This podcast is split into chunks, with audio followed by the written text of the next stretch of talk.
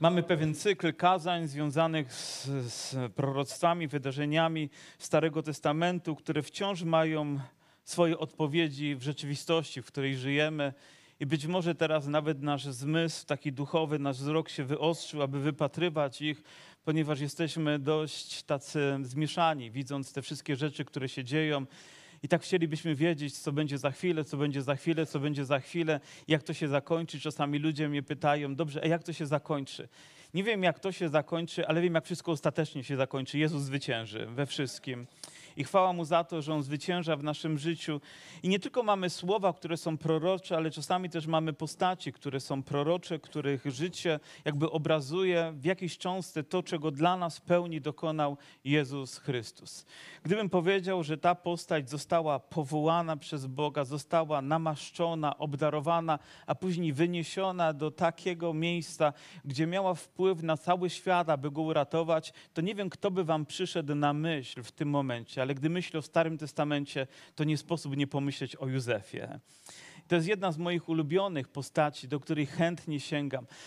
Historia rozciąga się od 37 rozdziału pierwszej Księgi Mojżeszowej aż do końca, do 50, a więc zajęło to kawałek czasu, żeby można było pisać, czyli jest tak ważna, więc nie sposób jej jakby pominąć.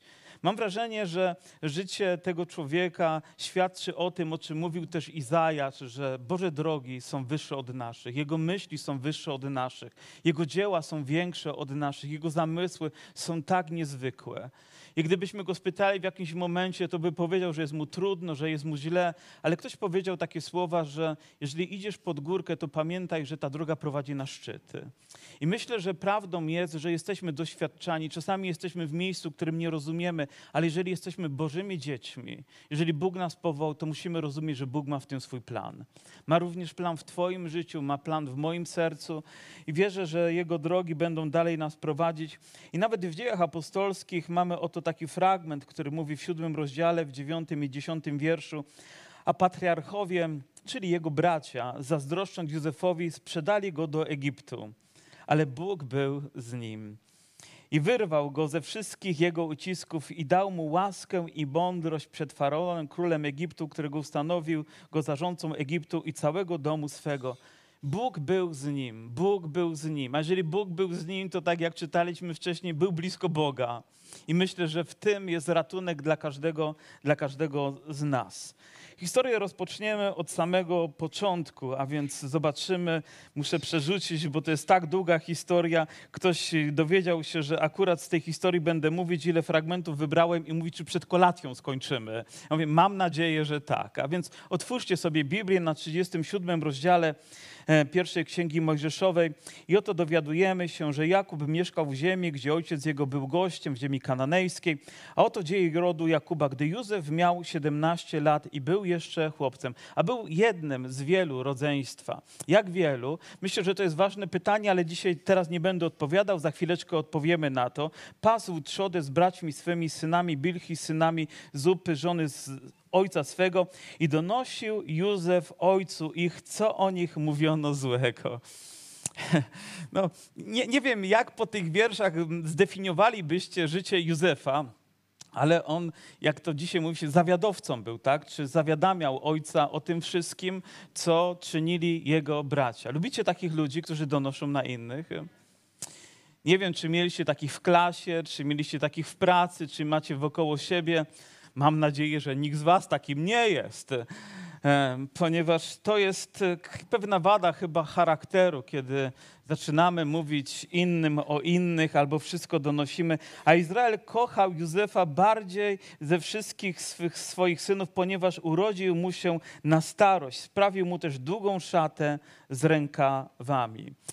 I to też dalej kolejny wiersz mówi, to też bracia bardzo go z tego powodu Widzicie, relacje w rodzinie czasami bywają trudne, między rodzeństwem bywają trudne. Jestem przekonany, że gdybym postawił tutaj dwoje, dwoje rodzeństwa, dwojga rodzeństwa, siostrę, brata, czy braci, czy siostry, i gdybyśmy spytali ich, jak oni czuli się w swoim rodzeństwie, nawet gdy jesteśmy dorosłymi ludźmi, to każdy z nas miałby takie wrażenie, że ta druga osoba była nieco faworyzowana, nieco faworyzowana od nas. Kto z was ma takie poczucie, że bratu, że siostrze, że komuś tam było lżej niż nam? A gdy rzeczywiście jest to jeszcze, tak powiem, wyniesione przez rodziców, kiedy dają ten akcent swoich uczuć, czy być może wyróżniają przez prezenty, czy inne rzeczy, i my czujemy się trochę jak kopciusze gdzieś wycofani, to mogą w nas zrodzić różne emocje i uczucia, które wcale nie są tak miłe. Nie mówię tutaj do jedynaków. Jak wielu mamy jedynaków na tej sali? Ktoś z was jest jedynakiem? O, wy jesteście w ogóle osobna liga, wy nie jednego, ale trzech kazań potrzebujecie, żeby, żeby uzdrowić. Ale w relacjach, w relacjach między ludźmi jest trudno. W relacjach między ludźmi bywa trudno. W rodzinie bywa trudno. W rodzeństwie bywa trudno. Kiedyś słyszałem pewną historię, jak wspaniałe rodzeństwo weszło do prawnika, ponieważ dostali spadek po rodzicach e, i weszli jako przyjaciele, a wyszli jako wrogowie. Że tak łatwo nas poróżnić, tak łatwo gdzieś powstają w nas złe emocje, a oni nienawidzili go, więc i, i, umieli się, i nie umieli się zdobyć na dobre słowo dla niego.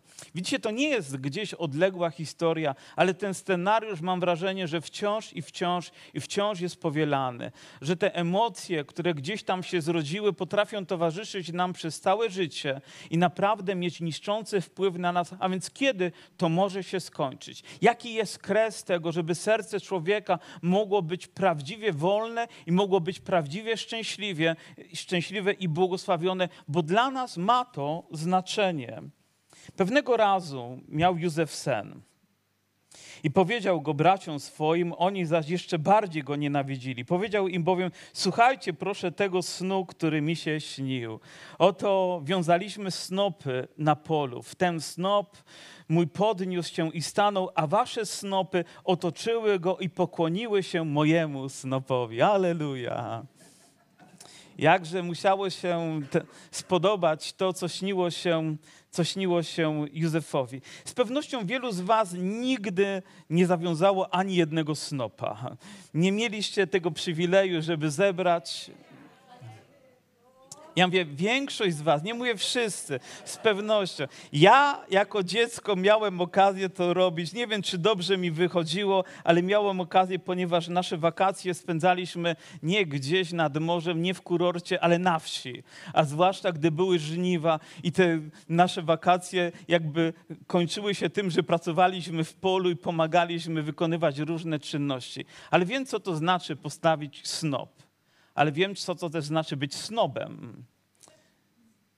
I w tym przypadku Józef zachował się jak?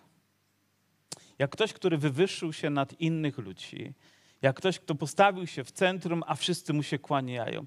No można powiedzieć, no jak to dyskutować ze snem? No śniło się chłopu, czy chłopcu w zasadzie 17-letniemu, więc dzielił się tym. A więc widzimy, że Józef jest młody. Widzimy, że Józef ma obdarowanie, ponieważ ma i sen i za chwilę będzie miał kolejny, kolejny sen i przedstawia go swoim rodzicom. Ale wiecie, czego mu brakuje? Jeszcze charakteru. Brakuje mu dojrzałości, żeby mądrze wyrażać swoje obdarowanie. Bardzo często, gdy osoba przychodzi do zboru, nawraca się, ludzie wkładają na nią ręce, mówią, a teraz masz obdarowanie, idź i służ. Być może w ten sposób chcemy coś dobrego, ale możemy wyrządzić pewną szkodę, która jest związana z życiem tej osoby, a także tym, którym ona będzie posługiwała, dlatego że może mieć obdarowanie, ale pytanie, czy ma jeszcze dostateczną dojrzałość, by to obdarowanie przekazywać innym. Powiedzmy, nawet gdy ktoś ma dar proroczy, czy to znaczy, że musi obwieszczać to skazalnicy, co w czyim życiu się ukrywa, albo jaki problem przychodził, bo Pan mu objawił. Nie myślę, że każde obdarowanie potrzebuje też dojrzałości, potrzebuje charakteru, który utrzyma to obdarowanie. Charyzma nas wynosi, ale charakter może spowodować, że bardzo szybko spadniemy, a może zrobimy też krzywdę innym ludziom. Będziemy trąbić jakieś złe rzeczy. Nie wiem, czy to prawdą, ale słyszałem, że gdzieś ktoś komuś mówił, a bo ty ducha nie masz. Wiecie, to świadczy o niedojrzałości. Takie stwierdzenia nigdy nie powinny wypływać z serca człowieka wierzącego, nie powinny w ten sposób obrażać albo ranić innych ludzi, albo oskarżać, bo jakie ja mam prawo ocenić to, czy ktoś ma ducha, czy nie ma ducha? Powiem, to jest kwestia Boża, a nie ludzka. Możemy widzieć owoc człowieka, możemy widzieć dojrzałość, którą wydaje, ale nie możemy tak łatwo i bezkrytycznie oceniać innych ludzi, a więc używając naszych darów, musimy być mądrzy również. Nie możemy być snobami w tym momencie. Nie możemy stawiać siebie w centrum, bo zawsze w centrum niezmiennie ma stać Jezus Chrystus. On jest najważniejszy. My powinniśmy być gdzieś w cieniu. I życie nas szlifuje, oczywiście, że ono zmienia nas, pewne doświadczenia. Z pewnością jestem innym człowiekiem niż byłem wiele, wiele lat temu. Jak myślicie, kiedy taki młody człowiek jak ja nawraca się, dostaje pewne poznanie, pewną umiejętność interpretowania słowa, czy tak trudno zostać snobem wtedy? Chrześcijańskim snobem oczywiście dodamy wywyższać się nieco nad ludzi, wskazywać im ich problemy. A tak naprawdę to ja mam większy problem, który wymaga rozwiązania i w tym momencie. I on ma kolejny sen, potem miał jeszcze inny sen i opowiedział go braciom swoim. Um, e, oto słońce i księżyc i jedenaście gwiazd kłaniało mi się. Proszę zwróćcie uwagę na to, że 11 gwiazd kłaniało mi się, bo słońce i księżyc w tym interpretowaniu jest dość proste, że chodzi o ojca i o matkę, którzy kłaniają się również jemu, którzy przychodzą, ale 11 gwiazd ma również mu się pokłonić, a w tym momencie ile jest rodzeństwa razem z nim. Policzcie sobie, on jest, jeżeli ja dobrze rozumiem, jedenastym, prawda? A tu jedenastu ma się pokłonić, a więc ktoś powiedzie, ale to nie do mnie. On trochę nadużywa, ale Bóg wie więcej niż my. Bóg widzi dalej niż my. On objawia coś, co jeszcze nie ma miejsca, ale coś, co się wydarzy, a naszą rzeczą jest zaufać mu, że to słowo się wypełni. Oczywiście, że rodzice trochę się obruszyli na ten temat i byli zaniepokojeni, lecz mimo to ojciec rozważał to słowo w sercu swoim. Później zdarzyło się znowu, lubię jak Biblia mówi, zdarzyło się, zdarzyło się. Wiecie, w tym wszystkim jest Boże kierownictwo. I również tak samo jest w Twoim normalnym, zwyczajnym życiu, że coś się zdarza, ale to nie znaczy, że to jest przypadek. To nie znaczy, że to jest jakaś ludzka okoliczność, ale i w tym objawia się Boże kierownictwo. Ktoś mówi, o, zdarzyło się, że trafiłem do dobrego lekarza, albo gdzieś tam Bóg odpowiedział na jakąś potrzebę przez innych ludzi, ale ja wierzę, że Bóg we wszystkim kieruje naszym życiem. Wy również? Czasami jest to łatwe, czasami mniej łatwe, ale jeżeli jestem Bożym dzieckiem, to wierzę, że to ten nurt Bożej wody prowadzi moje życie we wszystkim tak, jak On chce. Aleluja! Warto się poddać temu. I bracia, którzy gdzieś tam pracowali w polu, na, a Józef gdzie? No, przy ojcu ma nową szatę, ma piękną szatę, ładniejszą niż oni wszyscy. I oto został posłany do nich, żeby zobaczyć, czy tam nie obijają się pewnie, czy pracują zgodnie z założeniem, ale poszedł, żeby się dowiedzieć, i oni ujrzeli go z daleka. Ucieszyli się, prawda? Zobaczyli, o Józef idzie, aleluja. Lecz zanim się do nich zbliżył, zmówili się, że go zabiją. On jeszcze nie doszedł, ani już mieli plan. Zobaczcie, jak wielka była złość, która przerodziła się w nienawiść, a nienawiść w rządze mordu. Jak eskaluje zło, czy ma to zło gdzieś swój koniec? Gdy ono się raz rozpocznie, czy człowiek jest w stanie nad nim zapanować? Czy może powiedzieć, o dojdę tylko do tego miejsca i dalej nie pozwolę, żeby to poszło w głąb mojego życia? Myślę, że nie mamy takiej mocy sprawczej my, że nie mamy tak silnej woli, by się temu zaprzeć. Ale wiemy, że jest moc, która przewyższa wszystko. Jest moc, która potrafi zatrzymać największe przekleństwa. I mam nadzieję, że również i dzisiaj do tego dojdziemy. Aleluja.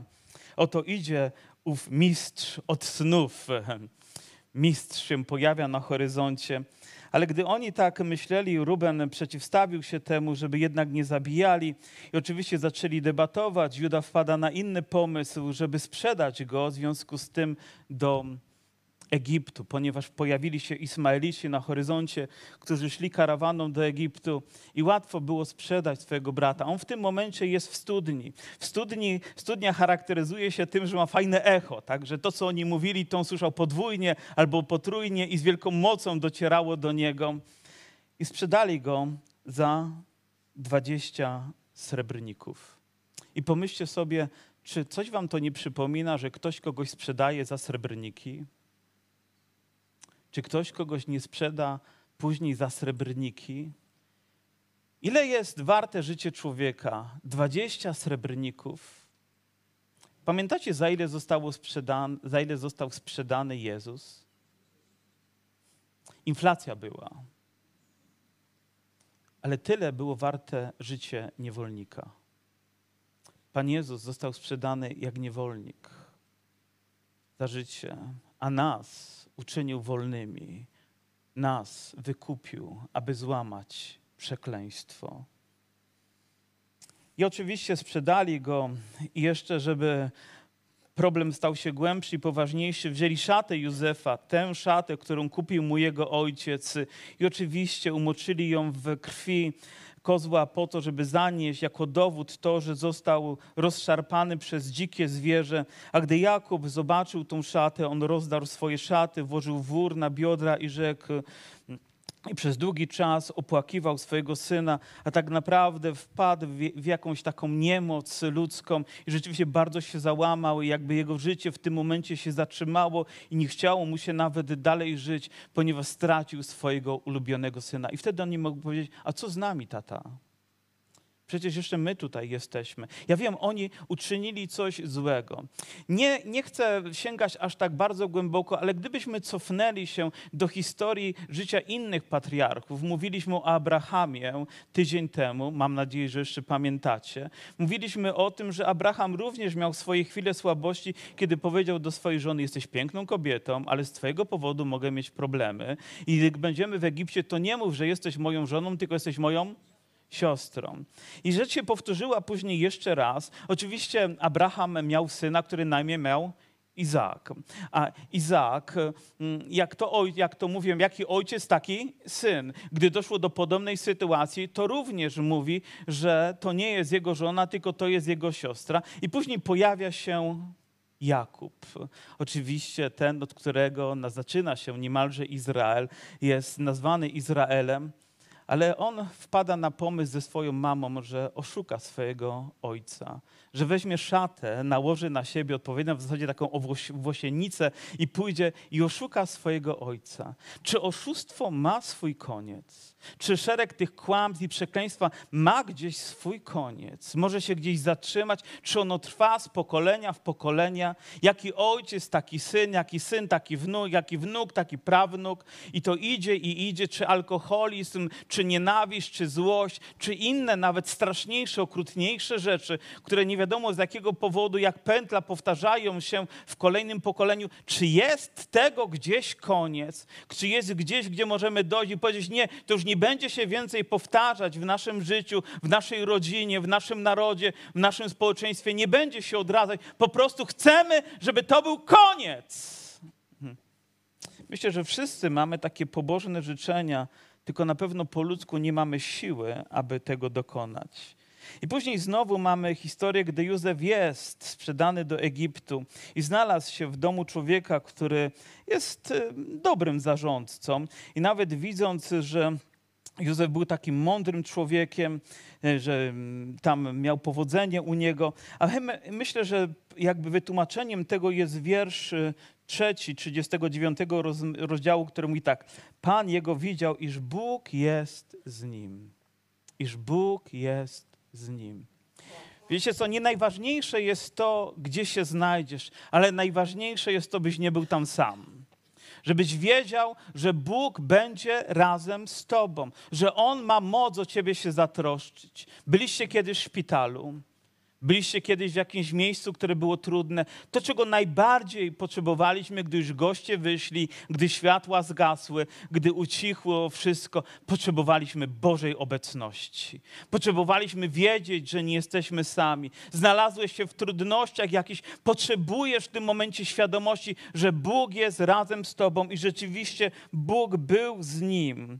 I sprawił też, że miał we wszystkim powodzenie i poprzez niego też błogosławił nawet dom tego Egipcjanina i ten mógł mu powierzyć wszystko, był godnym zaufania człowiekiem, a więc widać, że jego charakter zaczyna się zmieniać. I dochodzi do pewnej próby, ponieważ Józef był pięknej postawy i miał piękny wygląd. Czyli, powiem, przystojniak był innymi słowy. I zwróciła na niego uwagę żona Potyfara. I powiedziała: połóż się ze mną. Innymi słowy, zaprosiła go do udziału w grzechu, w cudzołóstwie. I gdyby w tym momencie charakter Józefa nie wzmocnił się tak, żeby przeciwstawić się temu, gdyby dał upust swoim rządzom, gdyby zrobił ten jeden krok, nie mielibyśmy prawdopodobnie pozostałej historii, która jest tak niezwykła. Gdzieś, gdzie Bóg zaczyna działać, zawsze pojawia się jakaś próba. Jest to trudna, bolesna czasami próba przeciwstawiania się grzechowi, zaparcia się samego siebie. Jest takie powiedzenie u nas, które mówi się, że gdzie diabeł nie może, tam pośle doświadczenie takie, które będzie tak trudne, tak bolesne dla naszego życia, że będziemy musieli z wielką mocą mu się przeciwstawić. I oczywiście Józef nie robi tego, bo mówi, jakże mógłbym to zrobić? Jak mógłbym zawieść mojego Pana? Jak mógłbym w ten sposób też e, rozczarować Boga? Jakże miałbym więc pełnić tak wielką niegodziwość i zgrzeszyć przeciwko Bogu? Ludzie nie zdają sobie sprawy, że życie w niemoralności jest życiem przeciwko Bogu, przeciwko Jego słowu, przeciwko Jego prawu. I dlatego z tak wielką mocą przeciwstawiamy się wszelkim związkom, które są pozamałżeńskie, które są niezgodne z tym, co zostało nam w Słowie objawionym, bo to sprowadza zło do naszego życia, czy jesteśmy tego świadomi, czy nie. I w tej kwestii nie ma liberalizmu, w tym względzie nie ma ustępstwa, w tym względzie jest Boże Słowo, które musimy z całą mocą i z całym oddaniem respektować. Amen? Rozpoczynałem moją służbę wiele lat temu też i, i, spotkałem po drodze wielu fajnych ludzi, którzy razem ze mną służyli Bogu. I później dowiadywałem się, jak niektórzy z nich rozwodzili się i ten się rozwiódł, i ten się rozwiódł, i ten się rozwiódł. I ktoś inny mówi, Boże, co się stało?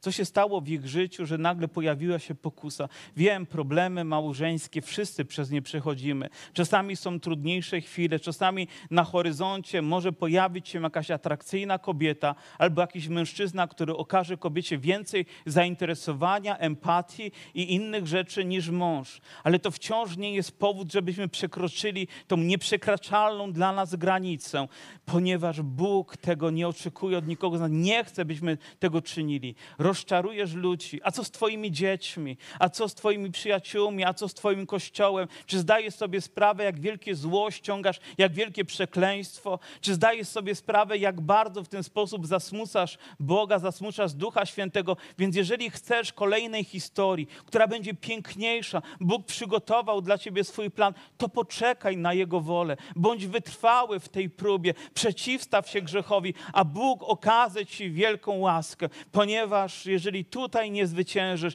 za chwilę pojawi się przekleństwo. Widzę, jak ludzie znikają czasami z kościoła, bo gdzieś u samotnej kobiety pojawi się jakiś atrakcyjny mężczyzna, albo u atrakcyjnego mężczyzny pojawi się jakaś fajna kobieta i zaraz tych ludzi nie ma w zborze. Dlaczego? Bo nie wytrwali, bo nie dochowali wierności Bogu. A więc uważajcie, dbajcie o swoje serca i gdy widzicie taką sytuację, przeciwstawcie się jej z wielką mocą, ponieważ tutaj trzeba pokonać tylko w jeden sposób przekleństwo oddaniem, całkowitym oddaniem Chrystusowi. Całkowitym. A Bóg pobłogosławi. Wiele oczywiście, wiele, wiele wieków później pojawi się człowiek, który na imię ma Samson. I widzicie, jak skończyła się też jego historia która może mogła wyglądać zupełnie inaczej, gdyby okazał trochę więcej wierności. I ona codziennie namawiała, codziennie próbowała zwieść Józefa nie raz, nie dwa, ale codziennie, dzień w dzień, dzień w dzień, ta sama śpiewka, ta sama historia, ta sama pokusa, ta sama moc, którą trzeba się jej przeciwstawić. Aż w końcu ona sama zdesperowana próbowała zaciągnąć go do łóżka, ale gdy on się wymknął, chwyciła jego szatę, ściągnęła z niego i znowu szatę ściągnęła z niego, którą miał. Położyła obok siebie, zaczęła krzyczeć, udowadniając czy próbując skazać, że to on ją zaczepił, że to on próbował jej krzywdę zrobić. Innymi słowy, chciał dokonać gwałtu na niej. Ona tak mówiła. Położyła szatę. Wiecie, uważajcie, pozory mylą. Pozory mylą. Musimy być bardzo ostrożni w wyciąganiu wniosków, bo nie wszystko to, co nam się wydaje, że jest prawdą, musi taką być, tylko dlatego, że ktoś nam tak to przedstawił. Potrzebujemy pewnego poznania i mądrości. Oczywiście, gdy przyszedł mąż, ja to w ogóle jestem pełen zdziwienia, że mąż nie zareagował tam, że nie wyciągnął miecza i nie przebił od razu tam Józefa, ale tylko dlatego, że Bóg był razem z nim, że chronił go, że strzegł go, bo miał prawo do tego, ten niewolnik do niego należał. Był oskarżony o straszną rzecz, która z pewnością była okrutnie karana, ale wylądował w więzieniu. Ale z kim był w więzieniu Józef? Bóg był razem z nim. I też znalazł przychylność nawet u naczelnika więzienia, że powierzył mu, ale też zdarzyło się, że znalazł się tam podczaszy i piekarz, ponieważ pewnego dnia nie spełnili wysokich wymogów faraona i gdzieś tam zawalili w swojej robocie i znaleźli się w więzieniu. I mieli sny, obydwaj mieli sny. I zarówno podczaszy miał sen, że śnił mu się krzew i łodygi, i na tych łodygach pojawiły się grona, i on zaczął je wyciskać do pucharu, który trzymał akurat faraona. Były to trzy oczywiście łodygi, trzy grona wycisnął. I tak samo piekarz miał sen, że miał trzy kosze nad, nad sobą na głowie, i w tych koszach było pieczywo, które podaje się faraonowi, a u góry były ptaki. I byli zaniepokojeni tym snem, aż pojawił się Józef. Powiedział: Wykład tego snu należy do Pana. I rzeczywiście powiedział im prawdę. Wiecie, niełatwo jest mówić prawdę, gdy ona kogoś dotyka i może zaboleć. Łatwo było powiedzieć podczaszemu, że za trzy dni spojrzy na niego na nowo łaskawie faran i będzie łaskawiony. Ale jakże trudno było powiedzieć prawdę piekarzowi, że za trzy dni jego życie się zakończy. Ale taka jest prawda. I bez względu na to, jak będziemy próbowali ją ubarwiać, to jest prawda. I prawdę musimy mówić ludziom, musimy mówić, ostrzegać przed niebezpieczeństwem. A może miał trzy dni na to, żeby się przygotować na ten dzień, żeby pomyśleć nad swoim życiem. Nie wiem, ale tak się stało, że rzeczywiście jeden został przywrócony do łask, a drugi został stracony. Gdy mówimy w kościele Ewangelię, musimy mówić prawdę o Królestwie Bożym. Nie tylko to, co dla ludzi jest wygodne. O, wszyscy chcielibyśmy grona wyciśnięte, być przywróceni do jakiejś godności, ale musimy również również mówić, że zapłatą za grzech jest? Zapłatą za grzech jest śmierć że jest odłączenie od Boga, że dzisiaj jest dzień zbawienia, że dzisiaj jest dzień ratunku dla kogoś, kto może jest dzisiaj na tym miejscu, kogoś, kto nas słucha, kogoś, kto pierwszy raz słucha Ewangelii. Dzisiaj jest dla ciebie dobra nowina. Dzisiaj jest czas łaski, z którego możesz skorzystać. Ale jeżeli nie, to nie ma odpowiedzialności, to jak skończy się twoje życie, czy będziesz miał kolejną możliwość, aby przyjść do Boga, aby otworzyć przed Nim swoje serce, aby wyznać swoje grzechy, aby sprawić, żeby wiara wypełniła twoje życie życie, Jego słowo, abyś mógł uznać Jezusa swoim Panem i Zbawicielem. Dzisiaj jest ten dzień kiedy możemy to zrobić, kiedy możemy do Niego przyjść. Dzisiaj możemy zasnąć i możemy się nie obudzić, jak ten bogaty człowiek, który miał tak wielkie plany pobudowania jeszcze większych stodół w swoim życiu, ale Bóg mówi, głupsze, dzisiaj w nocy Twoje życie się zakończy. Dzisiaj jest dzień zbawienia, dzisiaj Bóg zaprasza Cię, abyś przyszedł do Nim całym sercem, do Niego całym sercem. I faraon rzeczywiście wspomniał, jednego ułaskawił, a drugi skończył. I też Józef w zasadzie mówiąc, mówi tylko pamiętajcie, pamiętajcie o mnie, że mówi, podczas czego, że kiedy tam będziesz, to wspomnij, że ja niewinny jestem. Dwa lata upłynęły. Czy nie zdarzyło wam się, że wyświadczacie komuś dobro, a on o tym po prostu zapomina? Robicie coś, ale tak by się to w ogóle nie liczyło. Ale pamiętajcie, Bóg nie zapomina. Bóg zawsze zatroszczy się o swoje dziecko. Bóg odpowie we właściwym czasie, nawet gdy wszyscy zapomną, gdy nie wyróżnią cię, gdy cię nie wyniosą, gdy nie okażą ci godności, nawet szacunku. Pamiętaj, że jesteś Bożym dzieckiem i wszystko, co zrobiłeś ze względu na imię Pana Jezusa, będzie zapamiętane. On nie zapomni nigdy i on we, właściwym, we właściwy sposób, w odpowiednim momencie odpowie. I po dwóch dniach faraon ma sen. Wiecie o tych tłustych krowach i o tych chudych krowach, o tych pięknych kłosach i o tych szkaradnych kłosach, że jedne zżerały drugie, że jak to jest, że zawsze to, co gorsze, zżera to, co lepsze. Prawda? Że nie tak, że te dobre zżarły te suche i były jeszcze grubsze, tylko odwrotnie, tak jakby zło, zło próbowało wciąż i wciąż i wciąż zwyciężać. Gdzie jest koniec? Może wtedy, gdy przychodzi Boże objawienie i przychodzi Boży sposób na uratowania tej sytuacji. Wiemy, że gdy staje przed faraonem, wyjaśnia mu sen i mówi, że to siedem lat tłustych będzie, siedem lat obfitych. Mówi, i obyśmy nie zmarnowali tych lat, bo przyjdą lata chude, lata bolesne, lata, które zjedzą wszystko. A więc jeżeli oni by te tłuste lata zjedli w rok, to przez sześć lat by umarli z głodu gdyby nie byli mądrzy, żeby wykorzystać ten czas. Może też jest taki czas, że Bóg daje nam szczególną przychylność po to, aby przygotować nas na to, co może nadejść i obyśmy tego czasu nie zmarnowali.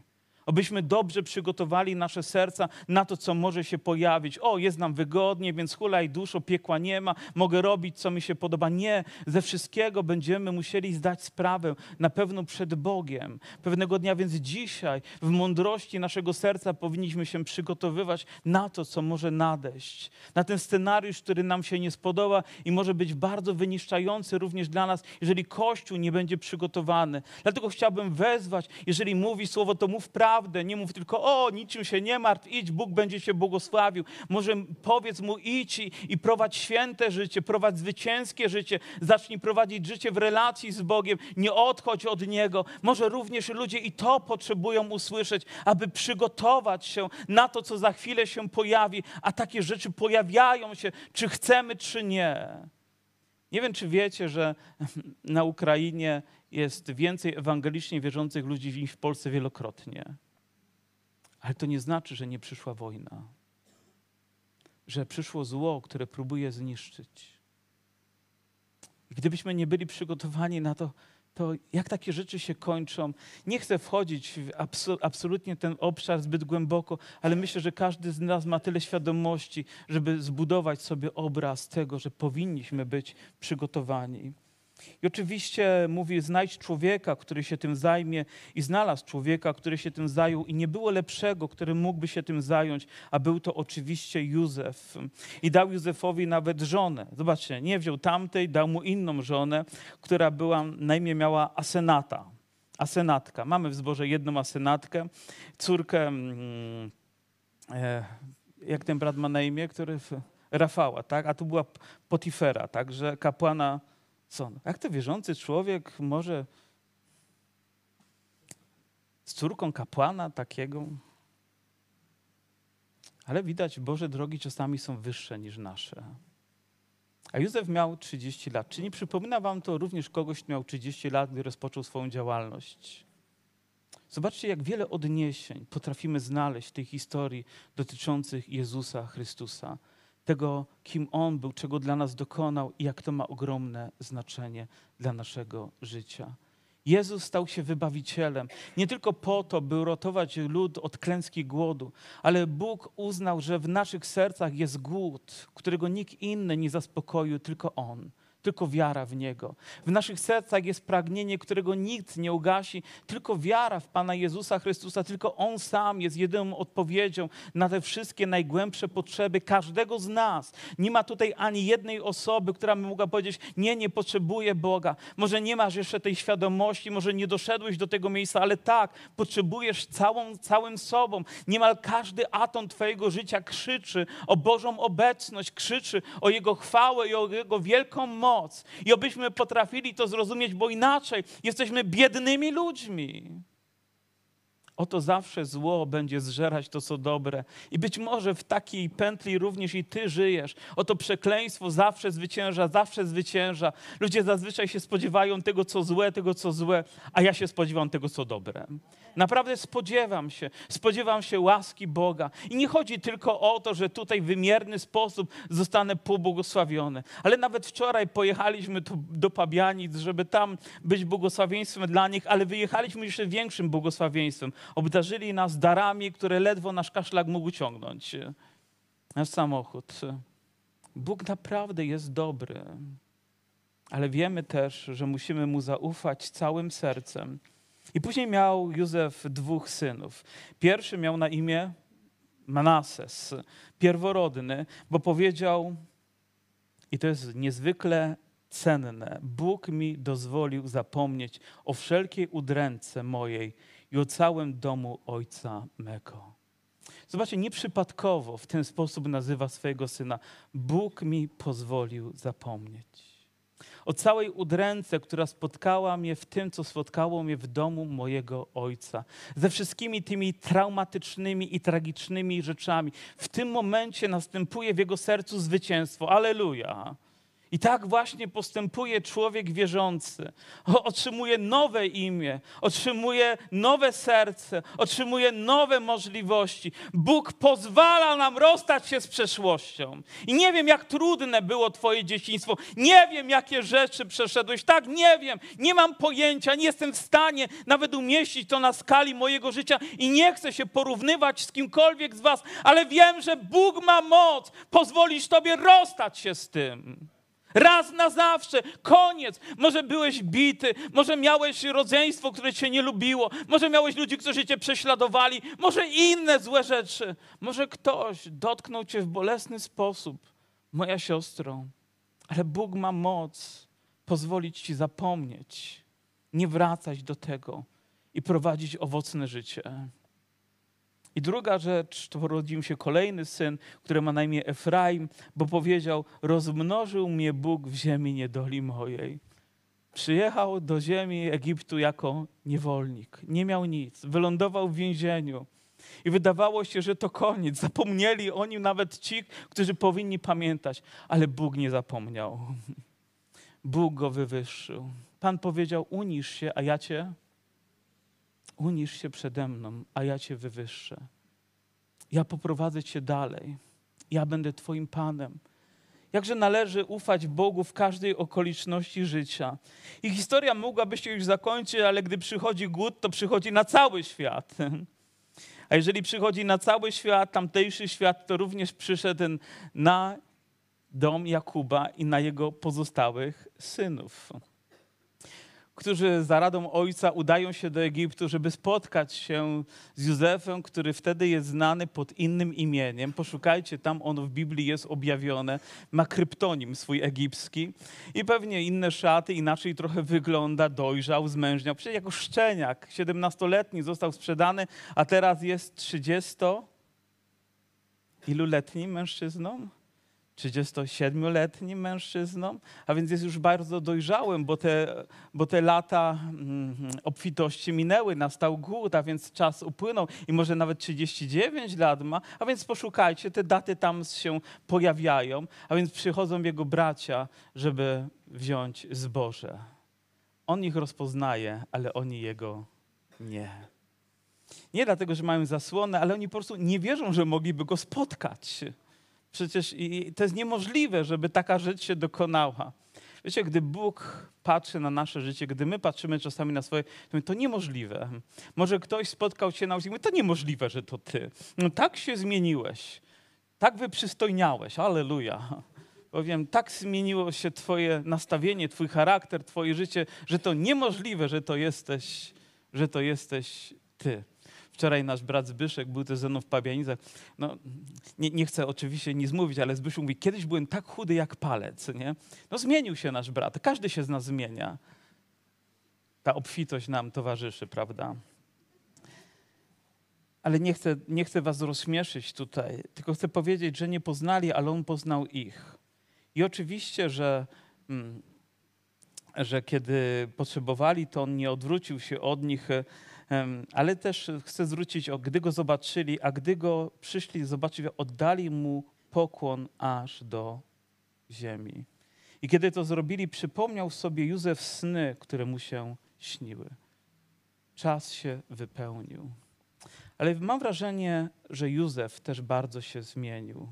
Że już nie góruje nad braćmi i nie mówi wtedy, a nie mówiłem wam, że przyjdziecie, że będziecie błagać, że będziecie mnie potrzebować, czy nie miałem racji?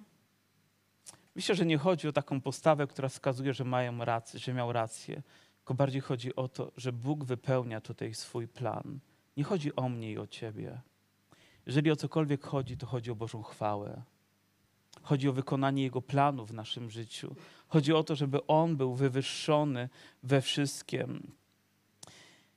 I oczywiście, że mm, on e, robi pewien podstęp, e, posyła ich, żeby oni sprowadzili też swojego brata, jednego z nich zostawia w zastawie, żeby mogli przeprowadzić tego najmłodszego, bo urodził się kolejny syn Jakubowi, Beniamin ma na imię. I rzeczywiście muszą, po jakimś czasie, muszę to skrócić, sprowadzają go i znowu są poddani próbie.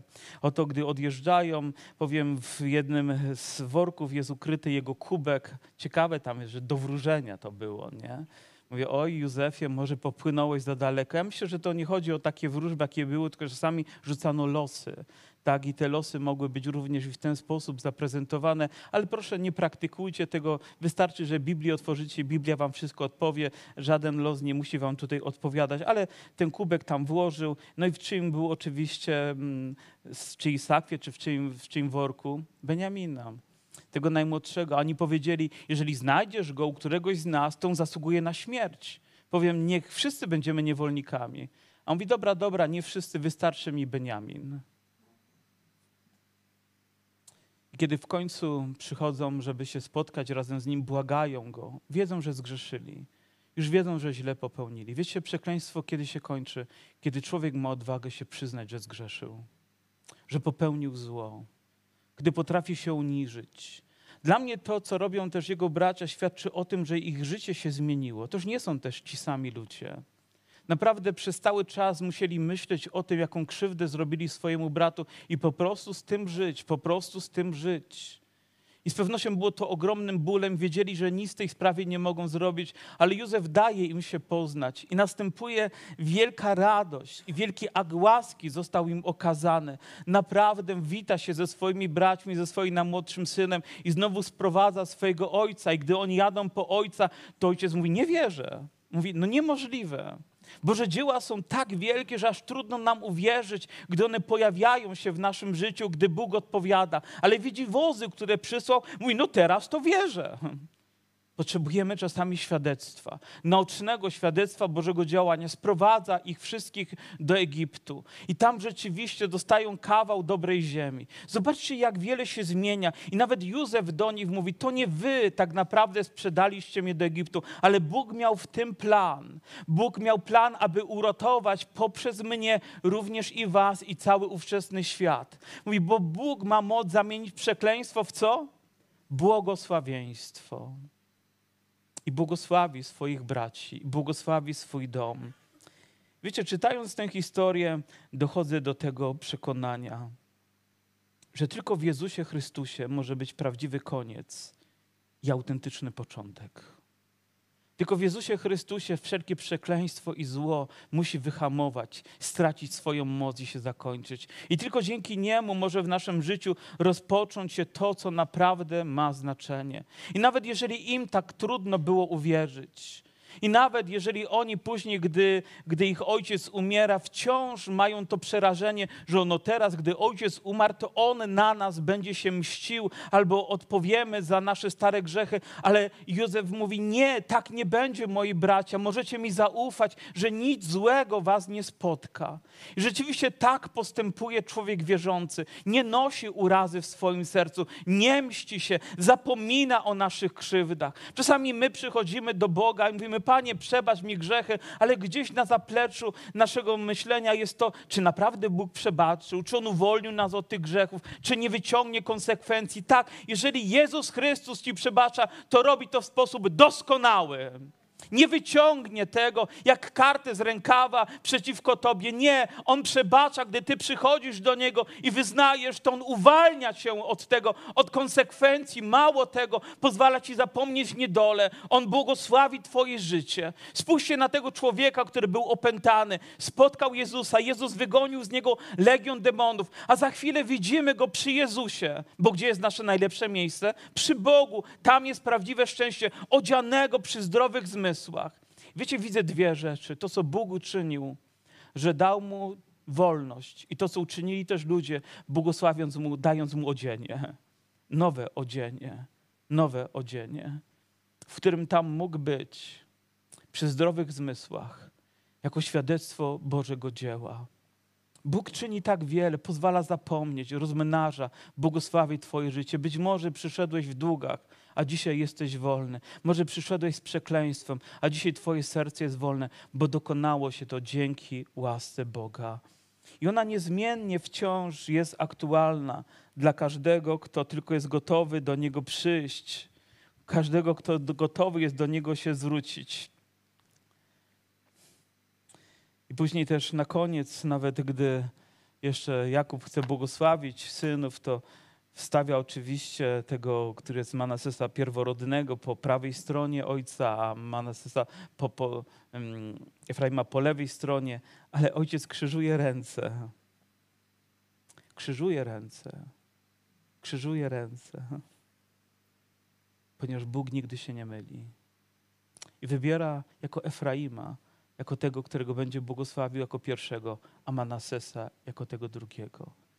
Nie wiem, czy urodziłeś się drugi, czy trzeci, czy pierwszy, ale najważniejsze jest kto? Ten, który kładzie na siebie swoją rękę, aby cię błogosławić. I dla niego zawsze będziesz pierwszy. Dla niego zawsze będziesz błogosławiony. Dla niego zawsze będziesz tym, który będzie umiłowany w Jezusie Chrystusie, wszechmogącym Panu.